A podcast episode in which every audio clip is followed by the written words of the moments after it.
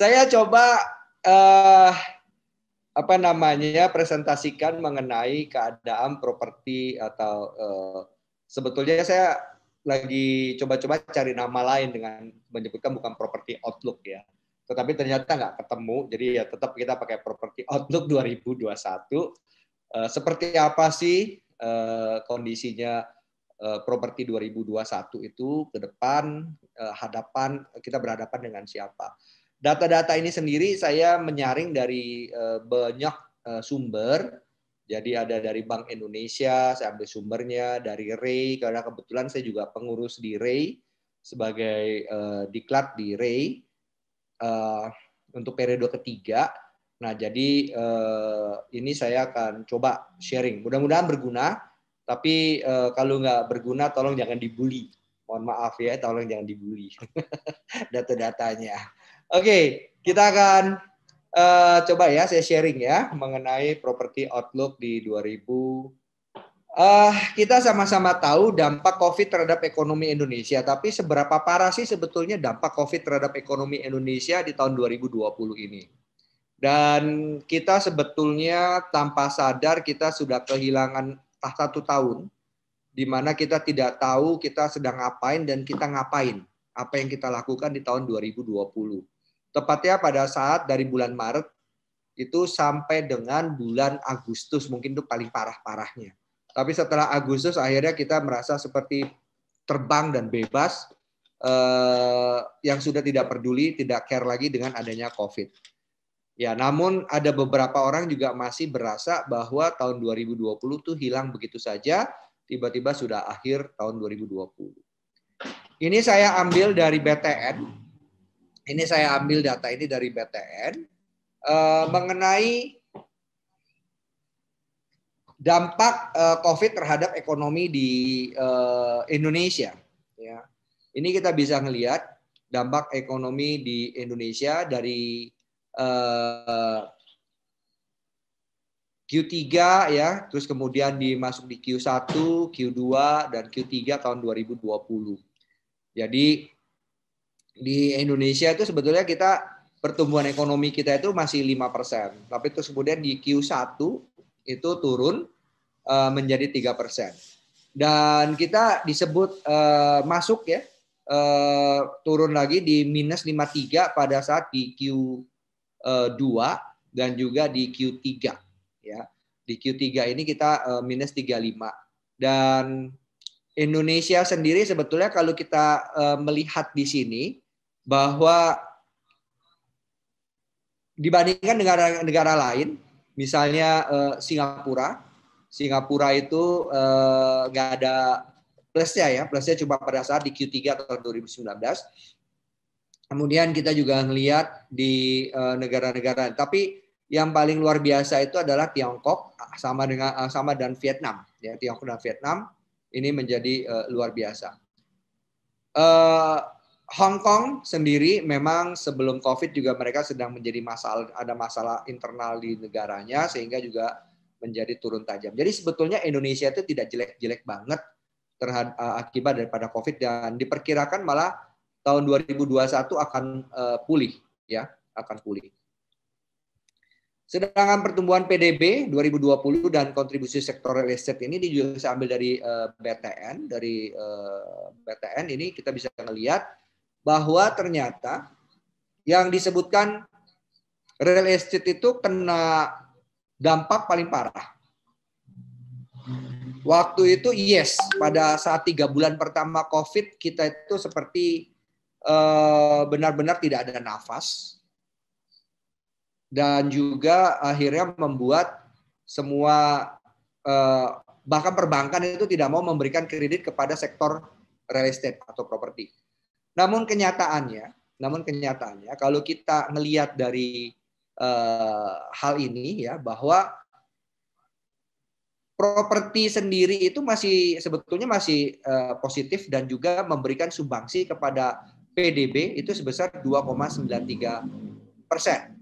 Ya, kita masih memberikan sumbangsi uh, uh, 2,93 persen. Nah, ini kita bisa melihat dengan eh, jasa-jasa lainnya di sini. Dan nanti Bu Susan juga bisa memberikan ini setelah habis acara ini akan diberikan semua yang hasil yang saya uh, dapatkan ini. Nah ini dia kita bisa melihat kontribusi sektoral kita terhadap uh, PDB. Proyeksi pertumbuhan ekonomi global sendiri bagaimana? Nah ini dia secara global ini kita bisa melihat bahwa Indonesia juga masih optimis ya masih optimis eh, di mana tahun 2021 itu diperkirakan tumbuh menjadi 4 persen. 2022 nah, itu menjadi eh, 5 persen. Tapi memang kita kalah dengan Tiongkok dan India, tetapi kita masih menang eh, di atas Jepang, bahkan di atas Brasil, serta Amerika Serikat untuk pertumbuhan ekonomi secara Eh, global. Ya. Sekarang kita masuk ke dalam sektor propertinya sendiri. Ini adalah data perkantoran. Ya, ini data perkantoran. Saya ambil ada dari Kutzman, saya ambil dari Colliers, saya ambil dari Knight Frank.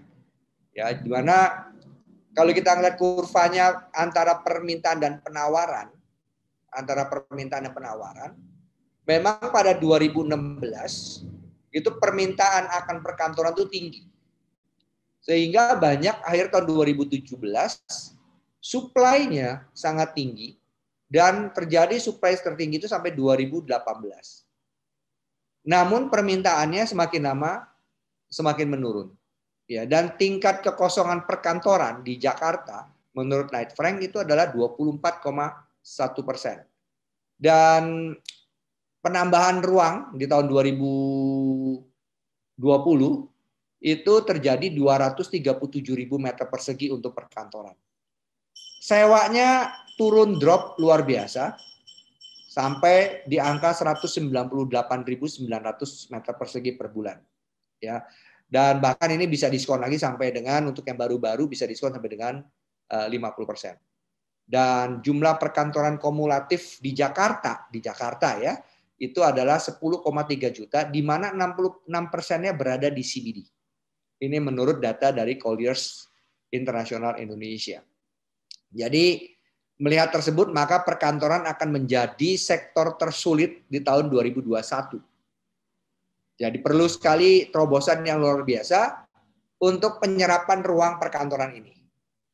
Nah ini teman-teman kalau mau buka kantor-kantor ini saatnya nih banyak yang dikasih eh, murah Ya. Ini apartemen, Pak. Tren penjualan apartemen atau kondominium di Indonesia ini uh, ini dibulatkan. Ini saya ambil juga dari Safils Indonesia, uh, di mana riset ini dipublish di uh, Ray, ya di portalnya Ray. Jadi properti itu penjualan terbanyak itu masih di tahun 2014 dari 2014 kemudian terjadi penurunan terus. 2015 tinggal 11.000 unit, penjualannya untuk apartemen 2016 10.500, 2017 6.000, 2018 2.400, 2019 cuma 2.300 dan 2020 di semester 1 itu tercatat baru sekitar seribuan unit untuk penjualan apartemen di tahun 2020 untuk pasokan apartemen dan kondominium di Jakarta yang sudah beroperasi dan ditempati. Nah, ini dia, ya. Sedangkan pasokan baru ini eh, tercatat sekitar 40 ribu lagi. Totalnya itu ada 173 ribu. Ya, terus kemudian eh, ditambah dengan 40 ribu lagi. Ditambah dengan 40 ribu lagi. Jadi ada 210 ribu lebih eh, apartemen di Jakarta. Bukan di Botabek ya, tapi ini adalah di Eh, Jakarta, bukan di Bodetabek. Apartemen high end yang di atas 50 juta, jumlahnya cuma satu persen, ya kurang lebih uh, adanya di Jakarta Barat. Kemudian yang kelas upper itu 40 juta sampai 50 juta, jumlahnya itu ada 12 persen tuh lokasinya ada di CBD. Kebanyakan ya. Terus kemudian upper middle itu 30 sampai 40 juta, jumlah persentasenya itu ada 14 persen, itu Jakarta Utara. Mid end itu 20 eh, sampai 30 juta, 25 persen itu Jakarta Selatan. Kemudian lower itu 48 besar di Jakarta Pusat dan Jakarta Timur. Ya, totalnya itu adalah 100%. Nah, pasokan baru dan baru terjual 54 persen itu penyerapan dikategorikan uh, upper middle itu yang mencapai 65 persen dari 54 persen. Jadi penjualan apartemen ini juga uh, apa namanya sedikit menjadi kendala dan juga pasukan baru terbanyak itu adanya di Jakarta Selatan. Namun kalau kita melihat ini data yang menarik ini adalah yang high end-nya ini cuma satu persen, yang di atas 50 juta. Kalau apartemen di Botabek di luar Jakarta, tahun 2015 ada 40 ribu peluncurannya, 2016 32 ribu, 2017 34 ribu, 2018, nah ini dia 2017 sih peluncuran ini banyak sekali teman-teman pasti tahu ya, terutama itu adalah di daerah Bekasi dan Tangerang. Kemudian di 2018 turun menjadi 18.000, 2019 peluncurannya 14.900, di tahun 2020 ini cuma baru 2000-an. Nah, jumlahnya ini yang menengah ke bawah itu eh, di bawah 13 juta, itu 47 persen. Yang 13 sampai 23 ini pasar yang paling banyak adalah 51,7 persen. Menengah atas ya di atas 23 juta itu tidak sampai satu persen jumlah pasokannya, kelasnya. Ya, jadi lebih dari 110 ribu apartemen ini yang sudah beroperasi dan di, didominasinya beroperasi di Tangerang dan uh, Bekasi. Ini masih dari Safil dan uh, dipublish di Ray.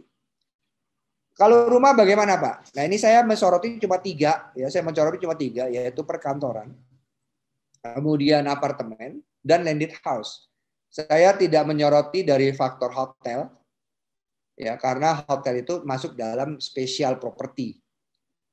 Uh, saya tidak masuk ke sana. Industri juga saya tidak masuk ke sana ke sektor industri. Jadi saya masuk hanya kepada apartemen, kepada per, uh, perkantoran dan kepada landed house. Nah ini yang menarik di kuartal pertama itu harga uh, sorry tingkat penjualan properti itu terkoreksi tajam sampai minus 30,52 persen. Nah ini akibat awal-awal COVID. Hal lain penyebab terjadinya penurunan adalah karena oversupply dan kenaikan harga yang terlalu cepat dibandingkan dengan pertumbuhan ekonomi dan daya beli masyarakat. Nah ini kita bisa melihat Bapak dan Ibu bahwa di tahun 2020 rumah tipe besar itu sejak tahun 2019 itu masuk 2020 uh, kuartal pertama itu sudah terjadi penurunan. Ya, kita bisa melihat ini terjadi penurunan sehingga pada kuartal ketiga ini minus 60. Ini tipe besar. Untuk rumah tipe menengahnya ini yang menarik karena terjadi kenaikan. Ini tipe menengah terjadi kenaikan. Begitu juga dengan rumah tipe kecil. Ya, rumah tipe kecil juga terjadi kenaikan, tetapi di kuartal ketiga ini rumah tipe kecil itu terjadi penurunan lagi. Nah ini uh, tentu harus kita uh, cermati bersama-sama sehingga kesimpulannya akan ada di belakang. Hal-hal yang mempengaruhi daripada penjualan properti itu adalah dengan tingkat suku bunga bank. Ini perkembangan suku bunga bank dari Maret 2019 itu suku bunga suku bunga bank itu adalah rata-rata di 8,63 persen sampai September tahun 2020. Sebetulnya hal ini tidak menggembirakan, mengingat Bank Indonesia sudah menurunkan tingkat suku bunga bank sampai dengan 3,75 persen. Ya, dan kenyataannya kondisi sekarang counter rate itu masih banyak di atas 11 persen sampai dengan 13 persen. Kalau yang ditawarkan dengan bunga-bunga yang murah-murah di depan di awal satu tahun dua tahun pertama itu adalah subsidi, di mana subsidi bisa dilakukan oleh perbankan atau subsidi dilakukan oleh developer terhadap bunga bank. Yang menyebabkan seakan-akan tingkat suku bunga bank turun, tetapi itu cuma sweetener Kenapa? Begitu masuk ke counter rate, masuk di 11 sampai 13 persen. Inilah yang juga harus disoroti oleh pihak Bank Indonesia dan juga OJK untuk mengawasi perbankan untuk menurunkan tingkat suku bunga bank kalau properti ini mau melonjak. Namun sepertinya kalau saya lihat pemerintah lebih cenderung tahun 2021 ini memang yang perlu digenjot adalah rumah FLPP. Namun masalah eh, terbesarnya adalah eh, saya lihat adalah golongan yang yang yang di bawah ini yang juga terkena dampak yang cukup besar. Hal itu terjadi melihat daripada orang yang nabung. Jadi teman-teman, orang yang nabung deposan di atas 5 miliar itu tumbuh 12 sampai 14 persen. Orang yang nabung ya yang punya uang di atas 5 miliar. Ya dan itu total tabungan itu deposito itu semua sampai menjadi 6.200 triliun sekarang.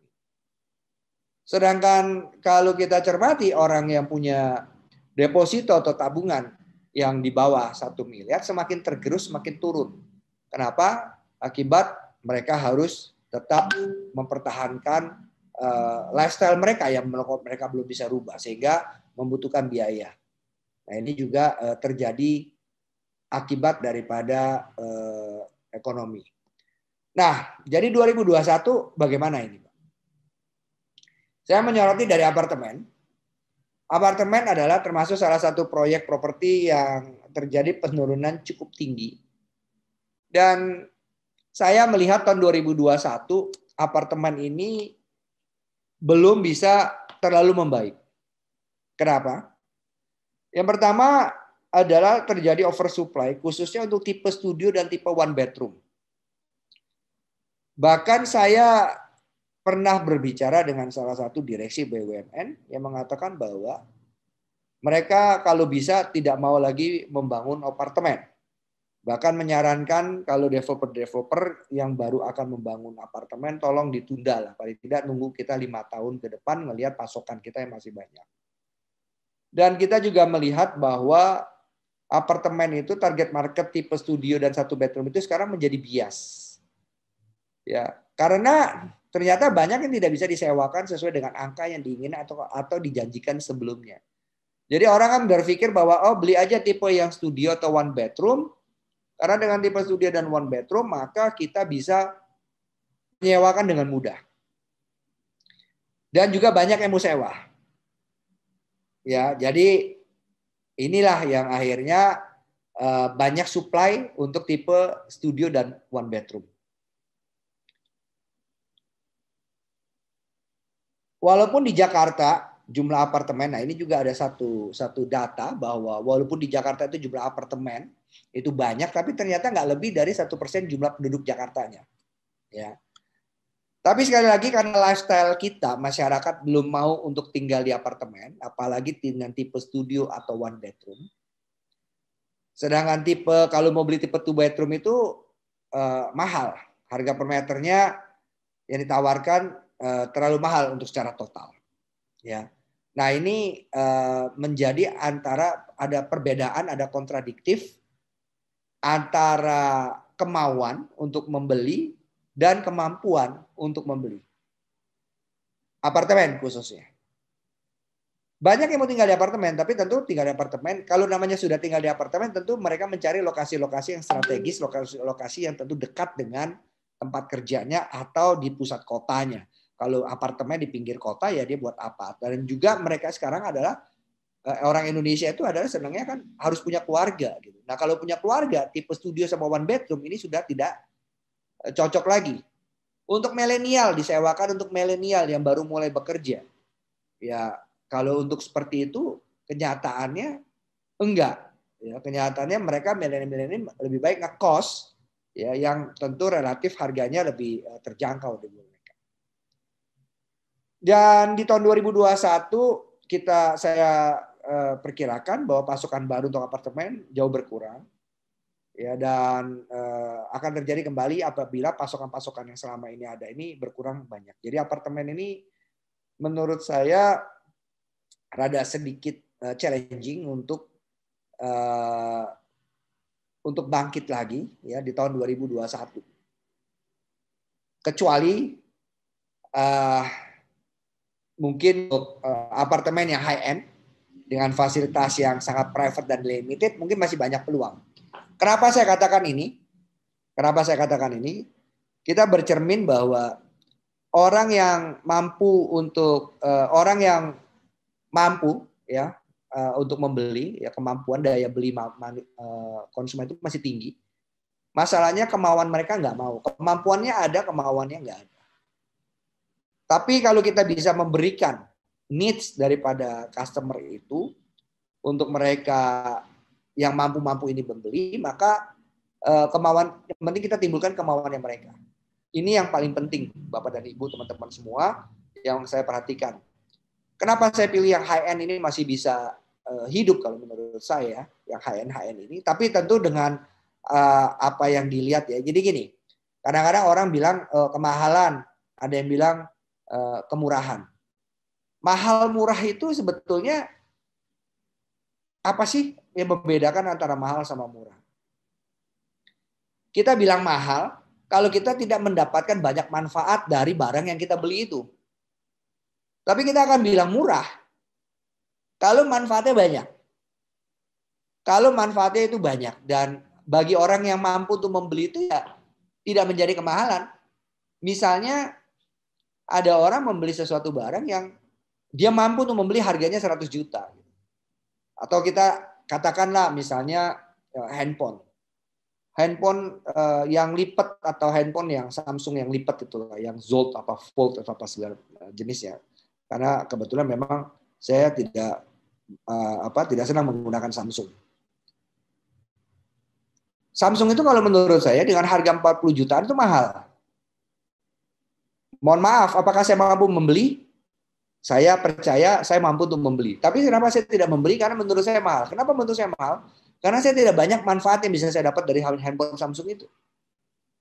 Tetapi kalau misalnya saya mendapatkan banyak manfaat dengan handphone Samsung itu, maka saya akan bilang itu murah. Sama juga dengan membeli apartemen atau membeli properti. Orang bilang oh ini kemahalan karena dia tidak mendapatkan fasilitas, tidak mendapatkan manfaat dari harga itu. Dia mampu membeli dan dia bilang ini mahal bagi ini mahal loh ini barang karena tidak banyak manfaat. Tapi kalau dia bilang murah, berarti banyak manfaat yang didapat. Nah ini dia Uh, jadi bagaimana sekarang kita juga sebagai broker bisa memberikan atau bisa menjelaskan kepada para calon konsumen kita uh, yang mampu-mampu tentunya agar mereka mau.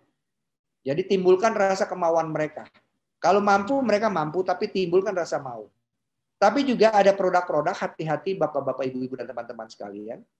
Itu yang saya lihat yang sekarang akhirnya terjadi oversupply karena banyak yang uh, saya lihat adalah banyak yang terbalik. Orang yang mampu nggak mau, tapi orang yang mau nggak mampu. Kalau kita ngelihat tadi data, semuanya itu kebanyakan adalah yang level menengah. Yang harganya 13 sampai 23 juta. Dan kebanyakan ditawarkan adalah tipe studio. Nah, orang yang mampu itu nggak mau gitu. Tapi orang yang mau untuk membeli harga segitu nggak mampu. Nah, kita tugas kita sebagai broker cari orang yang mampu aja dan kita timbulkan rasa maunya. Tapi kalau kita menawarkan kepada orang yang nggak mampu ya sampai kapan pun ya dia nggak akan mampu dan nggak walaupun dia mau tapi dia tidak akan mampu. Untuk perkantoran office ini adalah yang menurut saya terkena tekanan yang sangat luar biasa. Karena dengan adanya COVID ini, maka dan kemudian minta work from home, maka menjadikan satu kebiasaan baru. Demikian juga dengan perusahaan saya, di mana perusahaan saya akhirnya juga banyak orang yang mulai bekerja di rumah. Jadi orang-orang e, mereka itu kerjanya di rumah, hanya seminggu itu satu kali, bahkan dua minggu hanya satu minggu masuk, ada juga seperti itu. Satu minggunya lagi mereka kerja di rumah. Dan itu menyebabkan kemudian kita berpikir buat apa kita menyewa ruangan office yang begitu besar.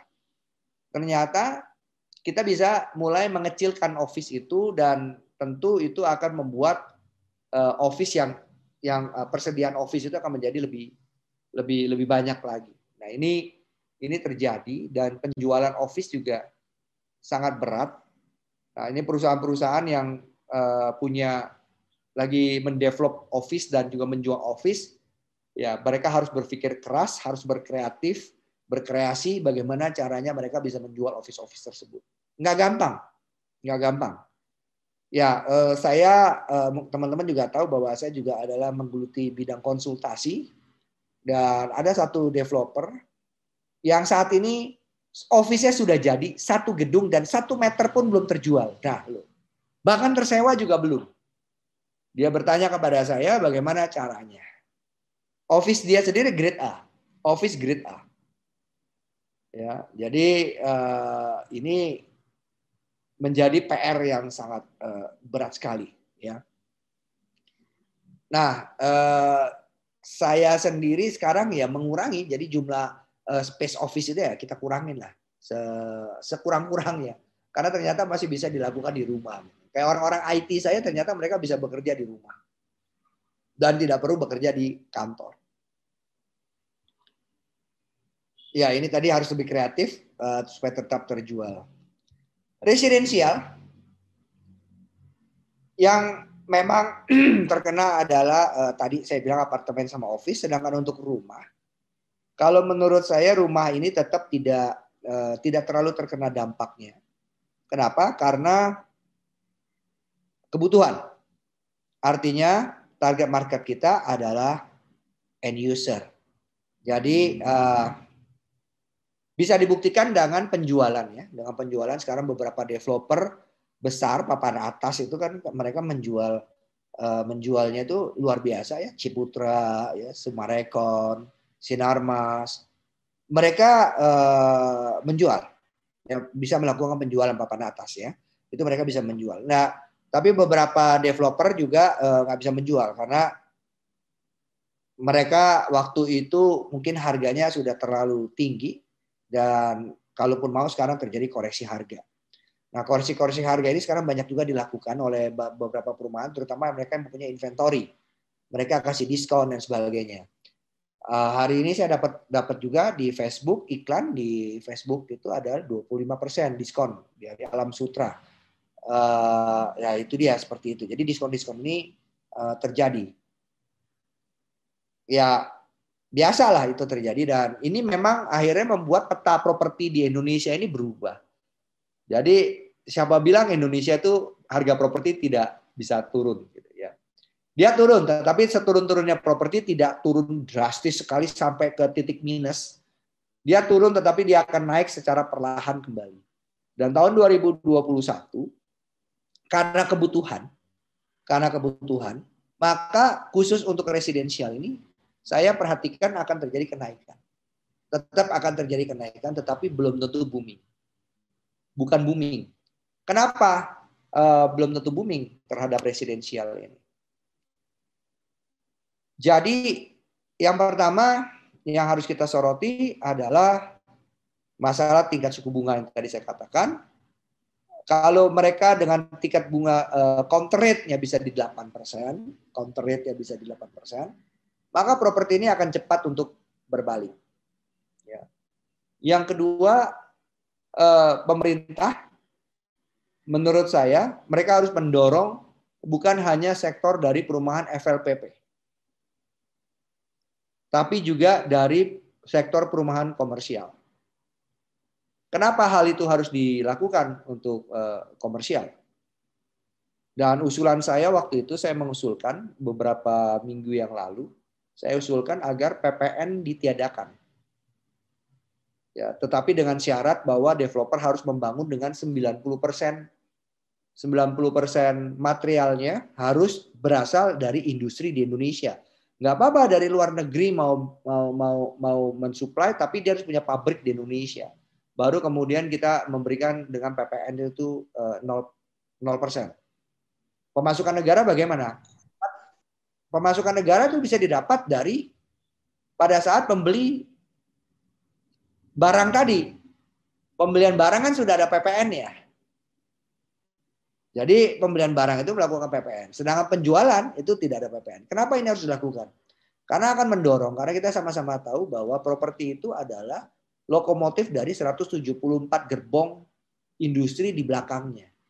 Sehingga ini akan terus meningkatkan meningkatkan eh, apa namanya ekonomi kita. supaya 6.200 triliun uang yang mengendap di tabungan itu bisa keluar, bisa dikonsumtifkan. Kan sayang. Karena 6.200 triliun itu kalau ngendep terus itu ya akhirnya tidak ada pertumbuhan. Karena tidak ada eh, apa belanja dari masyarakat. Nah, ini akan terjadi penekanan untuk disikat ekonomi. Itu usulan-usulan. Yang hal yang lain ya tentu di 2021, mohon maaf teman-teman, saya harus katakan bahwa memang belum akan kembali ke posisi normal. Kenapa saya belum mengatakan itu? Tadi hal-hal yang tadi terkait langsung dengan propertinya, yaitu dengan tingkat suku bunga bank, dan juga perizinan dan sebagainya. Hal yang lain ya dan juga oversupply tentunya yang menyebabkan itu tidak belum bisa naik itu karena ada oversupply juga, over promise juga karena semua dijanjikan semua kalau menjual properti adalah investasi. Tidak bicara menjual properti adalah ini untuk tempat tinggal yang nyaman. Ini harusnya semua selalu bicara ini investasinya bagus, investasinya bagus. Dan orang sekarang bala investasinya apa yang bagus, semuanya ketipu. Nah ini hal harus dirubah. Maka ini 2021 trauma ini belum terobati. Ditambah lagi di 2021 tidak sisi politik kita juga cukup ya cukup apa namanya membuat orang untuk ragu dan mereka lebih berani untuk memegang uang. Karena apabila terjadi sesuatu mereka lebih liquid ya. Bisa bisa mereka bisa langsung membawa uang mereka atau mereka bisa pegang uang mereka. Ya inilah Indonesia. Politiknya adalah demokrasi. Semuanya terjadi eh, semua semua hal bisa dipolitisir. Yang akhirnya membuat negara terus seperti ini. Nah, kita mungkin kita yang harus menetralisasikan dari orang-orang properti kita. Jadi eh, dalam hal ini developer yang memahami market dan kreatif dalam mengemas produk yang akan memenangkan penjualan. Nah ini memang penting sekali bagi kita semua teman-teman. Eh, mungkin cara kita berpromosi, cara kita eh, membicarakan properti bukan lagi untuk investasi. Walaupun sekarang terjadi peluang investasi karena banyak diskon yang ditawarkan 30%. Tapi kapan ini harga akan naik? Harga terus akan naik, tapi berapa kenaikannya tadi kita bisa melihat. Kenaikan harganya juga tidak terlalu tinggi. Jadi jangan over promise kalau menurut saya uh, akan terjadi 2021 kenaikan harga properti akan naik sekian puluh persen gitu. Kayaknya enggak, belum terjadi hal itu kalau menurut saya. Ya, jadi itulah uh, apa yang saya buat. Ini saya di suku bunga bank, ini juga tadi lokomotif dan broker yang cemat dan cekatan dalam melihat peluang yang akan mendapatkan transaksi yang besar.